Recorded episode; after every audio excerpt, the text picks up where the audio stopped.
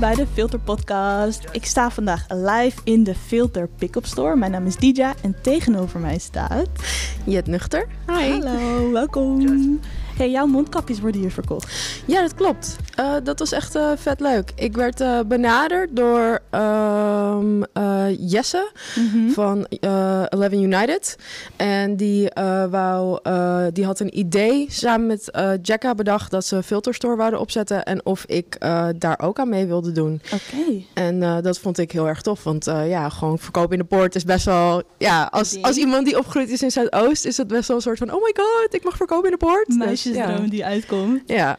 En, maar maakte je daarvoor al mondkapjes? Of is dat echt... Nou, het is dus met... Um, ik was begonnen met mondkapjes maken al best wel aan het begin van de coronacrisis. Omdat het is een heel dankbaar product om je gewoon lekker op uit te leven. En ja. um, ik werk sowieso, ik ben een creatief ondernemer. Mm -hmm. En ik werk uh, met stoffen. Dus ik had heel veel stoffen eigenlijk nog over van voorgaande projecten. En, uh, of, of lapjes die eigenlijk net te klein waren om nog iets mee te doen. Maar ja, ik, ik, ik hou niet van verspilling. Dus die bewaar ik dan. Ja. En ik kon dus heel mooi uh, daar dan mondkapjes uit gaan maken. En um, in eerste instantie had ik gewoon een paar gemaakt. Gewoon ook omdat het, uh, je kan er heel fijn ook met technieken mee uitproberen. En gewoon prototypen helemaal een soort van door, door prototypen. En daar dan ja. echt een betere versie Steeds van maken. verder perfectioneren. Precies. En uh, toen op een gegeven moment had ik dat op Instagram gezet. En toen waren mensen toch wel, hadden daar oren naar. En ja, toen Ome Rutte op een gegeven moment zei van ja, was verplicht een OV. Toen ging het natuurlijk best wel... Los. Ja. Dus uh, toen zodoende eigenlijk. En ik had op dat moment, ja, vanwege de crisis, ik werk uh, ook nog in het culturele veld als uh, projectmanager, minder werk. Dus ja, dan is dit een hele goede bijkomst. Ja, dus ik was heel blij dat ik weer gewoon de focus kon leggen op mijn creatieve praktijk. Door middel van mondkapjes. Ja. Want het... En ook nog duurzaam dus. Ja, want ik maak het dus zoveel mogelijk van restmaterialen. Ja, het elastiek moet je wel bijkopen en de garen heb ik gewoon bijgekocht wel. Maar dat Ja. doe ik dan bij ondernemers waar ik, die ik een warm hart toedraag. Zoals Jan de Grote Kleinvakman op de Alp Kuip. Oké. Ehm, en ehm, ja, zodoende eigenlijk. Dus maar vooral van stoffen die ik al had. En ik heb op een gegeven moment ook nog tweedehands bijloop kopen. Maar ja, Allemaal is- reststoffen. En, en je bent dus creatief ondernemer. ja. Wat, wat houdt dat in? Ehm, het is soms het is een beetje breed wat ik doe. Mhm. Want ik, ehm, ik werk dus voornamelijk met eh, stoffen. Ja. En ik vind het altijd een beetje lastig om te omschrijven wat ik dan precies doe. Want ik maak in principe ook gewoon kleding, want dat is wat ik echt leuk vind. Dus ik eh, werk voornamelijk met eh, recycling, upcycling en gewoon handmade dingen. ja. Customized jasjes bijvoorbeeld. Of van verschillende t-shirts gewoon één jurk maken. Ah, dat cool. soort dingen. Ehm, of dus zeg maar reststoffen, iets, iets, iets Dus echt je, je helemaal... werkt sowieso al met reststoffen. ja, is je- dus ik probeer ding. altijd gewoon echt duurzaam te werken al. Ja. Ehm, maar ik ontwikkel ook en produceer ook eh, creatieve concepten. Dus ik bedenk creatieve oplossingen voor eh, problemen. En dat doe ik dus ook ehm, in samenwerking met partners in Zuidoost. En dat, dan werk ik soms dus ook met verf Ja. en hout en dergelijke. En ook ja, productieve, eh, creatieve productie voor festivals. Dus dat is ook gewoon decorbouw meer. Oké. Ehm, maar ja, dus eh, Van altijd... alles, gewoon een creatieveling. ja, een beetje mannetje van alles wat dat betreft. Maar ja, ehm, vanuit zeg maar echt mijn eigen eh, beweging, wat ik ook een soort van als mijn vrije werk beschouw, is wel meestal gewoon echt met kleding. Omdat ik echt al van kleins af aan helemaal geobsedeerd ben door mode. Mode en kleding. En Ja. nu dus ook mondkapjes. Ja, precies. Ja. En dus je zei dat je mondkapjes maakt en je hebt Mhm. die steeds verder geperfectioneerd tot je... Heb je nu het perfecte prototype? Ehm, ik ben wel heel erg tevreden met wat ik nu heb. Ja. Ehm, En hij ziet, hij, hij ziet er mooi uit. En als ik hem ook bij mensen opzie en zo. En, en heel veel mensen zijn echt heel erg positief over hoe die zit. Ik heb, ik heb er denk ik meer dan 200 gemaakt. En ik heb Wow. eh, heel veel positieve reacties gehad. En natuurlijk ook wel constructief eh, eh, ja, criticism.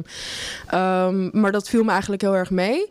En hij kan sowieso nog wel natuurlijk altijd een stukje beter. Maar met het product wat ik nu maak ben ik wel... Ja, Tevreden. ja, in de basis is hij gewoon goed. Ja. En ik, mijn vriendje zei gisteren ook nog een soort van... oh, ik vind die van jou eigenlijk veel lekkerder zitten. Want die had een ander mondkapje opgekregen... omdat hij zijn thuis was vergeten. En toen had ik echt zoiets van... Jee! Oh, wat een lief vriendje. Ja. Misschien een beetje biased, maar weet je, Nee, ik, ik neem ik hem gewoon. Ja, ik neem hem gewoon. Ja, dat is een compliment. Zeker, zou ik ook doen.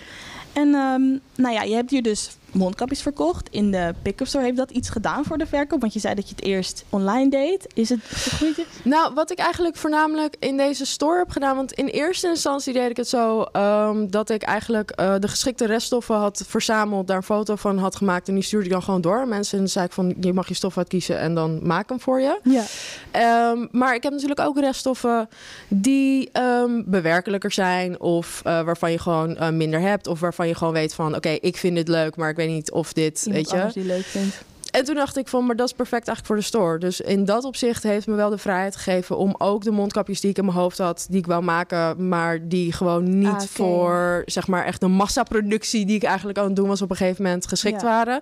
Die heb ik hier kunnen doen. En dat heeft eh, zeker ook wel ehm, dat sommige, sommige eh, ontwerpen hebben echt, ja, ze Ja. waren echt Maar heel snel begrijp weg. ik dan goed dat hier een beetje de limited editions Ja, liggen? ja, dit is echt een super exclusive. Ja, ik maak ook echt van de spullen die hier in de winkel liggen, dan maak ik max vier. En als ze op zijn, zijn ze op. En ehm, in, ik was toen eigenlijk ook met 1 juni met, um, um, ja, met de dood van George, George Floyd, dat we het eh, ook in Nederland weer hebben gehad over institutioneel racisme. Ja. En dat er weer aandacht was voor eh, partijen zoals Kick Out Zwarte Beat en Black Queer Trans eh, Resistance NL. Ja. die zich inzetten voor het gevecht daartegen.